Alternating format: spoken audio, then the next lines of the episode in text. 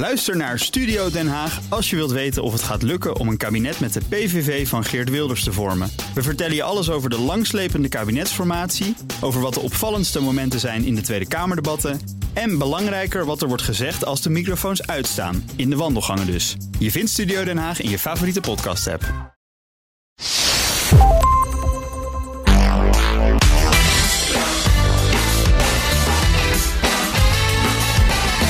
Welkom bij de Ben Tichelaar podcast. Vandaag is het weer tijd voor een aflevering van Ben's Boekenclub. We bespreken een internationale bestseller en we halen er lessen uit waar jij iets aan hebt. Deze keer gaat het over het boek Mindset van Carol Dweck. We gaan een paar mooie dingen met je delen in 23 minuten. Goed, waar gaat Mindset over? Ik geef je de ultra korte samenvatting. Carol Dweck is hoogleraar psychologie aan Stanford University en ze heeft jarenlang onderzoek gedaan naar onze impliciete ideeën over intelligentie, talent en andere eigenschappen die mensen hebben. Het gaat hier vaak over onbewuste ideeën die impact op ons hele leven kunnen hebben. Dweck zegt er zijn mensen die geloven dat succes vooral gebaseerd is op aangeboren vermogens. Die mensen hoor je dingen zeggen als: Tja, je hebt het nu eenmaal of je hebt het niet. Of leiderschap kun je niet leren, dat moet in je zitten. Dweck die noemt dit de fixed mindset, of in het Nederlands de statische mindset. Er zijn ook mensen die geloven dat succes vooral gebaseerd is op hard werken, oefenen, leren en vasthoudendheid. Dat noemt Dweck de growth mindset, de groeimindset. Wat is nou zo opmerkelijk? De meeste mensen hebben volgens Dweck meer een fixed mindset. Dat gold ook lange tijd voor haarzelf. Maar je kunt leren om stap voor stap een groeimindset te ontwikkelen. En die mindset leidt tot meer succes en minder stress. Laten we even luisteren naar wat Carol Dweck hier zelf over zegt. I learned of a high school in Chicago where students had to pass 84 units to graduate. And if they didn't pass, they got the grade not yet. I thought, isn't that wonderful? Because if you fail, you're nowhere. But if you get the grade not yet, you're on a learning curve. Not yet gave them a path into the future.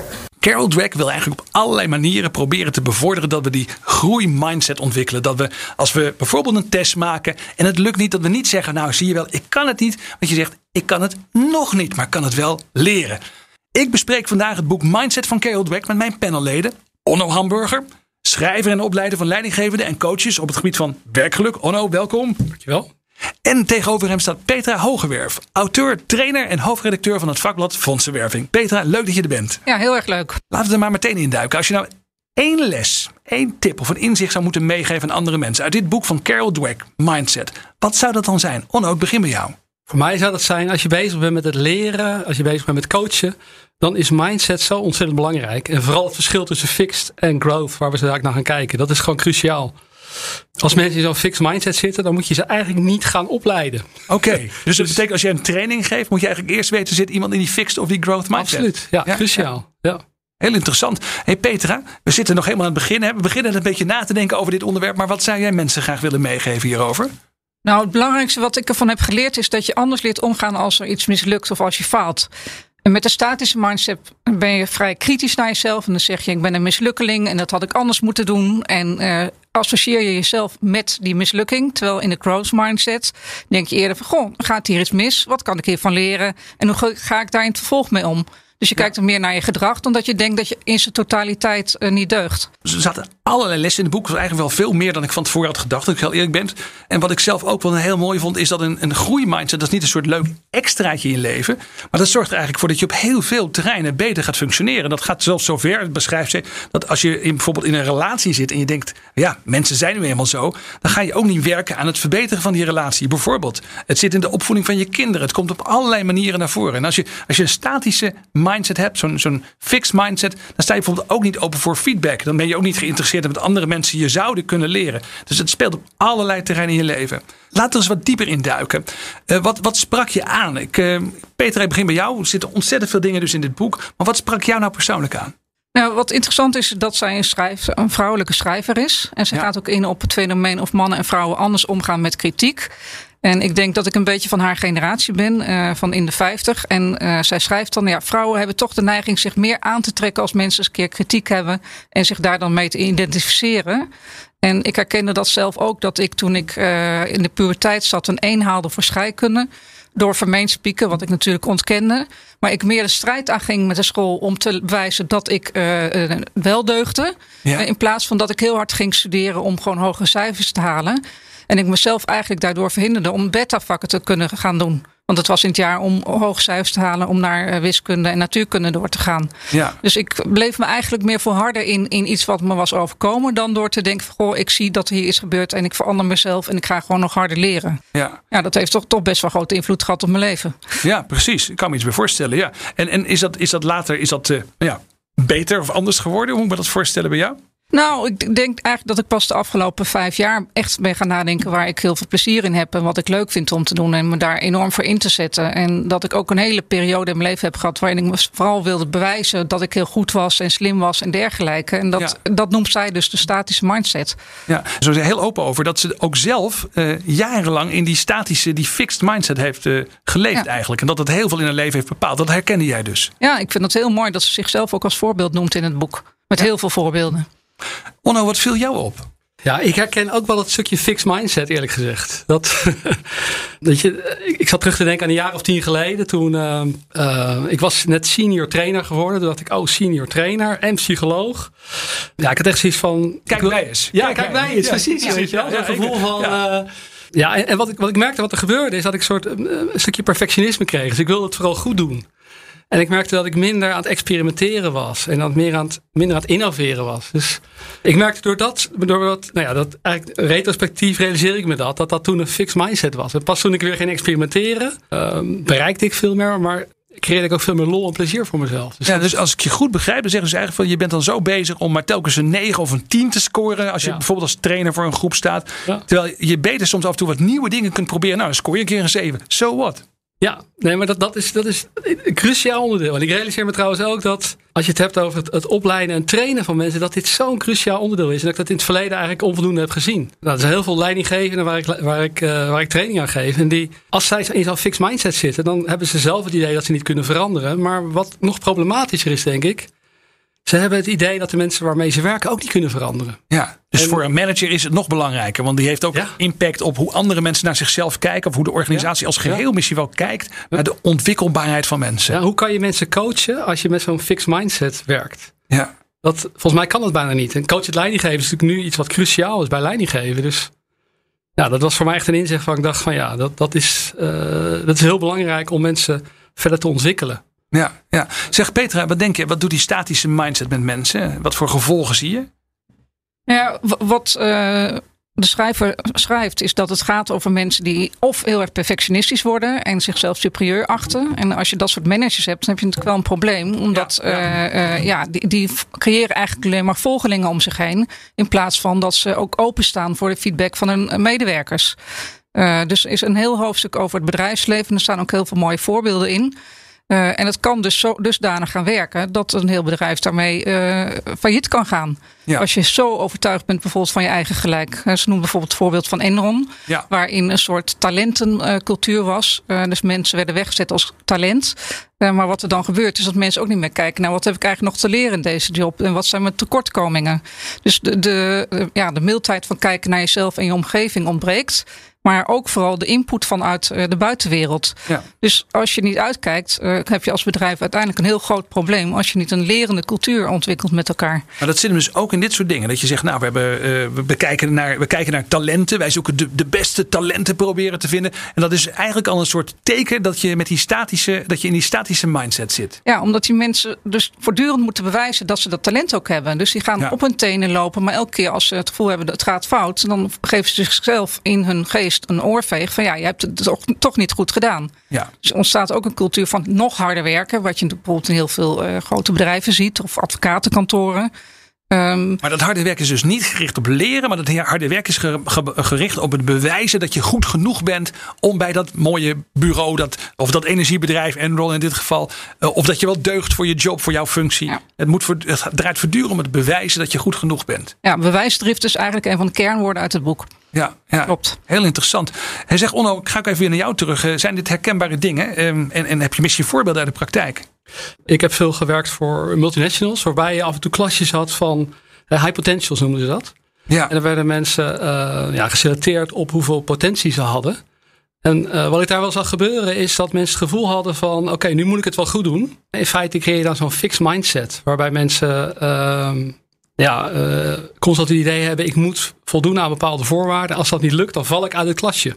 Ja. Wat ik zag gebeuren is dat. Ben je dus meer bezig om in het team te blijven, of in het klasje te blijven, of in dat speciale project dat je daarbij blijft. In plaats van dat je dus samen dingen gaat leren. Ja, ja, ja of soms het pleasen van de leidinggevende of anderen. En in feite zag ik dat ze vaak minder creatief werden of minder ondernemend. En soms ook als ze dat gingen missen, dan gingen ze juist, hè, eigenlijk de meest talentvolle mensen gingen soms weg ergens anders naartoe, omdat ze die vrijheid misten. Ja, dan werkte eigenlijk zo'n high potential klasje, werkte eigenlijk voornamelijk dat je de mensen aan het behouden was, die heel goed die regels konden volgen. Maar niet de innovatieve mensen met nieuwe creatieve ideeën, die je naar mijn idee vaak wel hebben.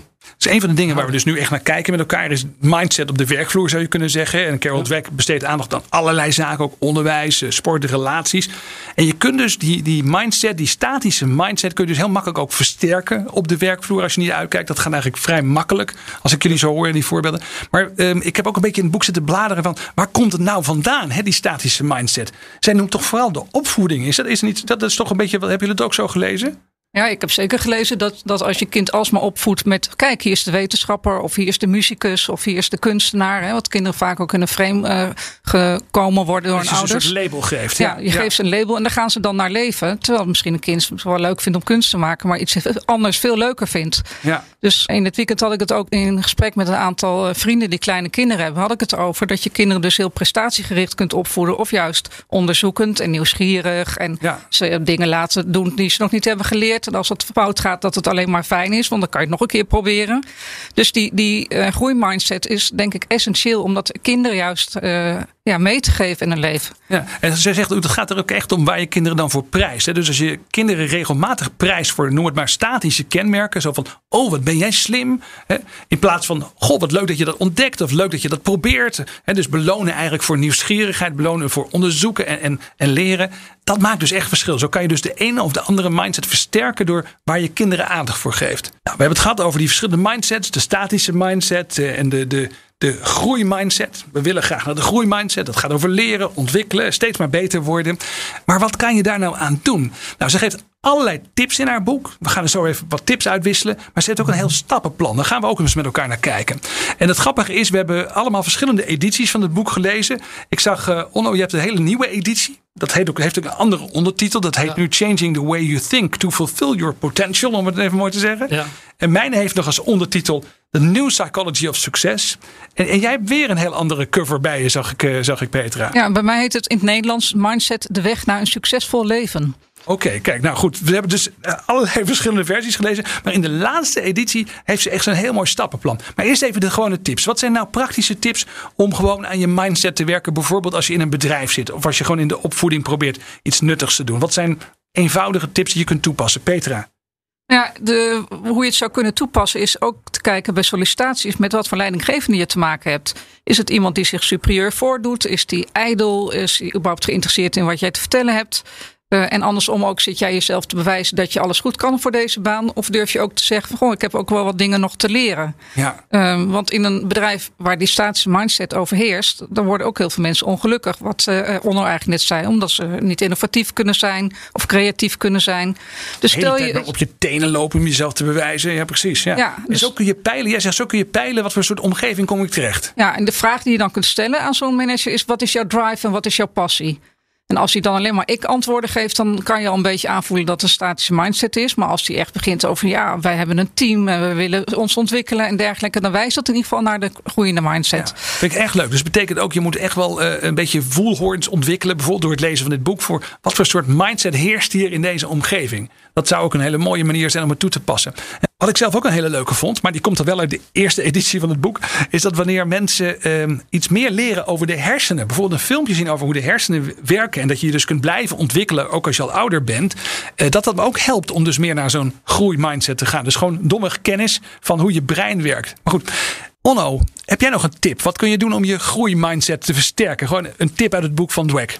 Ja, zij heeft een aantal, een aantal mooie dingen. Eén daarvan vind ik uh, gewoon kijken naar de wetenschap. En wat je ziet is dat mensen ook daadwerkelijk kunnen veranderen over de tijd. Dus daar heb je mooie artikelen over, maar ook filmpjes waarbij je de hersenen ziet veranderen. Ze noemen dat neuroplasticiteit. Een tweede ding wat ik zelf wel mooi vind is om, uh, om jezelf af te vragen van terugkijkend naar de afgelopen jaren. Wat zijn nou dingen waar je vroeger niet zo goed in was en nu wel goed in bent geworden? Ik vind dat wel een hele mooie vraag. Want dat, er zijn best wel wat dingen die ik bij mezelf zie. Van nou, vroeger was ik daar niet zo goed in. Uh, bijvoorbeeld uh, bepaalde statistische dingen onderzoeken. Dat vond ik vroeger heel ingewikkeld. Nu vind ik dat makkelijk. En dat is iets wat ik uh, langzaam wat heb ontwikkeld. En dat kan je bij jezelf vragen. Maar dat kan je ook om je heen kijken. Naar, naar sporters bijvoorbeeld. En het grappige is, daarmee ontwikkel je dus, dat zijn allemaal manieren om dus die groeimindset te stimuleren. Ja, ja, leuk. Ze, ze, beschrijft in een nieuwe editie van het boek, dat hebben we ook nog even gedeeld met elkaar, beschrijft ze echt ook een soort reis die je kunt maken van een statische naar een groeimindset. En dat zijn vier stappen. Misschien ook wel leuk om even samen naar die vier stappen te gaan kijken. Dat is voor de luisteraars denk ik ook heel aardig. Dat is echt een, gewoon het nieuwe stappenplan van Carol Dweck, hè, om je mindset te verbeteren. En stap 1 uh, dat is dat je, uh, je, ja, ik vond het eigenlijk wel, uh, wel mooi gezegd, je, je statische mindset moet omarmen. Petra, wat bedoelt ze daarmee? Ja, wat ze daarmee bedoelt is dat je alert moet worden wanneer je weer vanuit die statische mindset reageert. Hè, dat je jezelf ja. beschuldigt, je op je tenen wil lopen, niet om, om, om beter te worden, maar om te bewijzen. en dat je daar ook een beetje om gaat lachen. Dus dat je die statische mindset omarmt en denkt, oh, daar is die weer. En in de volgende stap wil ze die bijvoorbeeld ook een naam geven. Ja, daar gaan we het zo over hebben. Dat is de volgende stap weer. Ja, maar je moet dus gewoon eerst maar eens accepteren dat we allemaal wel een beetje last hebben van die statische mindset, als ik het goed begrijp. Ja, en wat interessant is, is in de ontwikkeling van haar boeken, heeft ze in het boek wat ik heb gelezen, Zesde Druk, maakt ze nog een onderscheid tussen die statische en groeiende mindset. En in het nieuwe boek zegt ze eigenlijk iedereen heeft beide mindsets. Oké. Okay. Dus de, daarin is ze zelf ook weer wat genuanceerder geworden. Om, om niet mensen een label op te gaan leggen. Ja, en mensen kunnen ook in het ene gebied, heb ik begrepen, ook uit het boek ene terrein een statische mindset hebben en een andere gebied weer een, een groeimindset. Dus het is toch meer een mix dan dat het twee hele verschillende labels zijn. Hè? Ja. Hey, en dan gaan we naar de tweede stap. Dus je hebt hem omarmd, zal ik maar even zeggen. Je hebt geaccepteerd, ik heb iets van een statische mindset. Hebben we allemaal. En wat is dan stap twee? Dat je uh, je triggers in kaart brengt. Onno, kun je dat eens toelichten? Ja, triggers zijn eigenlijk momenten dat je neiging hebt om richting die statische mindset te gaan. En vaak zijn dat dingen die net even buiten je comfortzone liggen, die spannend zijn waarvan je van tevoren al weet, oh wacht, daar ga ik weer. Ja, dus stap 1, je moet accepteren dat je dus deels een statische mindset hebt. Ja. Stap 2, je moet de triggers kennen. In welke situatie steekt hij de kop op? En dan komt stap 3, dat is wel een bijzondere. We noemden net al eventjes, jij noemde het even, hè, Petra. Je moet hem een naam geven. Leg eens uit. Ja, ik denk als je die persona, zoals het noemt, uh, eigenlijk als een theaterfiguur ziet. Hè? Dus als iemand die, die bij je hoort, maar die ook soms onverwachts opduikt. Uh, en helemaal vaak op de momenten die je helemaal niet wil. Ja. Um, uh, dus dat is bij die triggers. dan is het best wel leuk om die een naam te geven. De mijne heet bijvoorbeeld nu sinds kort Grieselina.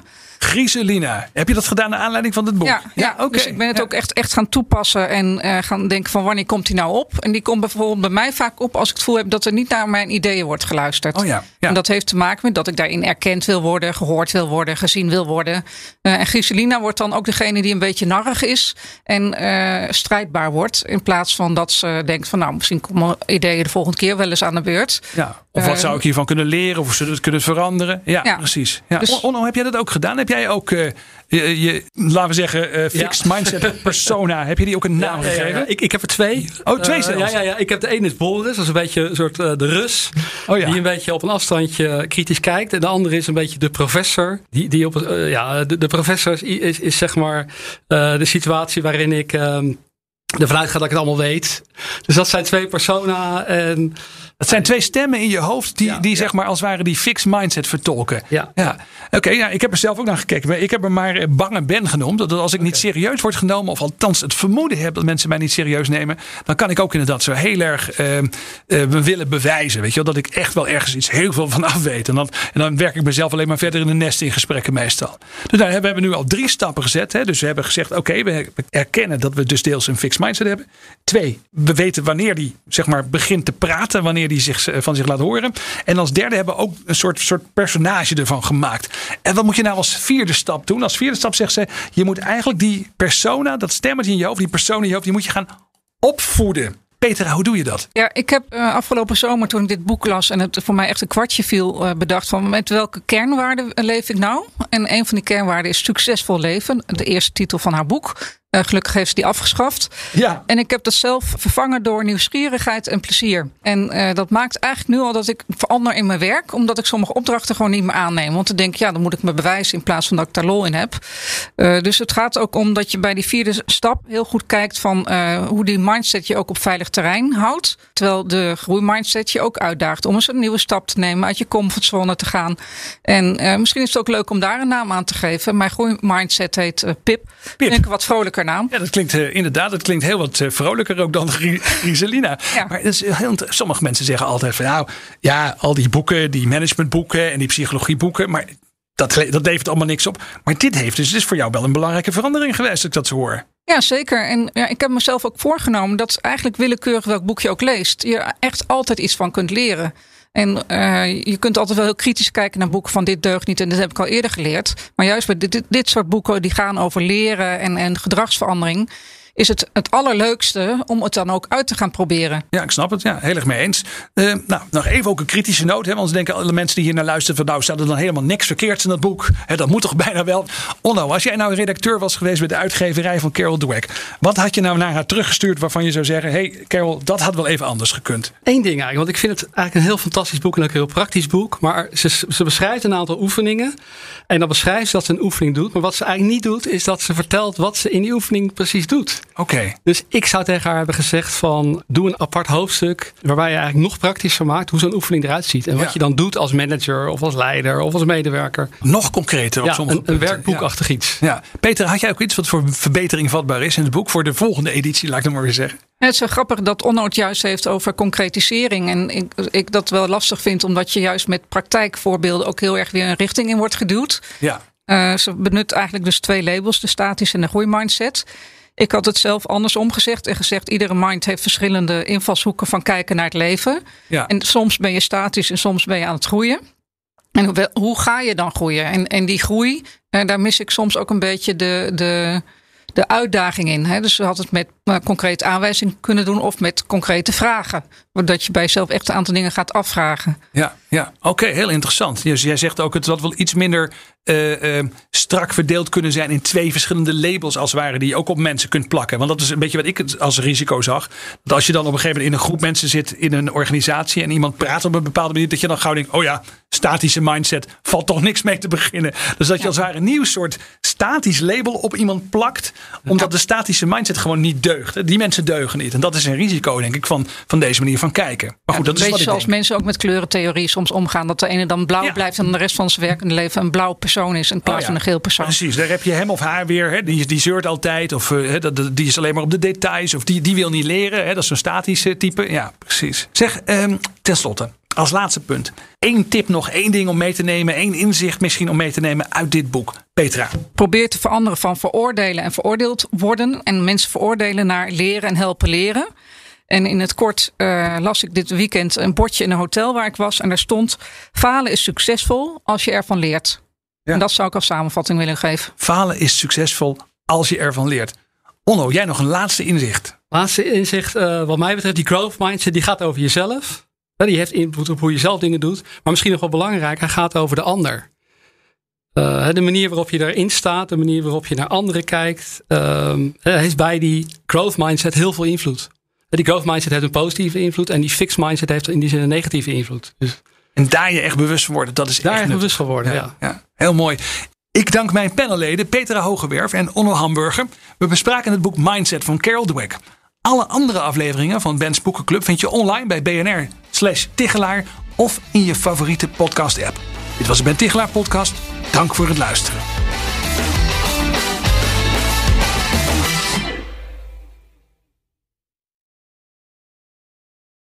Ook Diana Matroos vind je in de BNR-app. Ja, inderdaad. Je kunt live naar mij luisteren tijdens de Big Five. Ook handig in de BNR-app. Breaking nieuwsmeldingen, maar ook het allerlaatste zakelijke nieuws. En je vindt in de app alle BNR-podcasts, waaronder Wetenschap Vandaag. Download nu de gratis BNR-app en blijf scherp.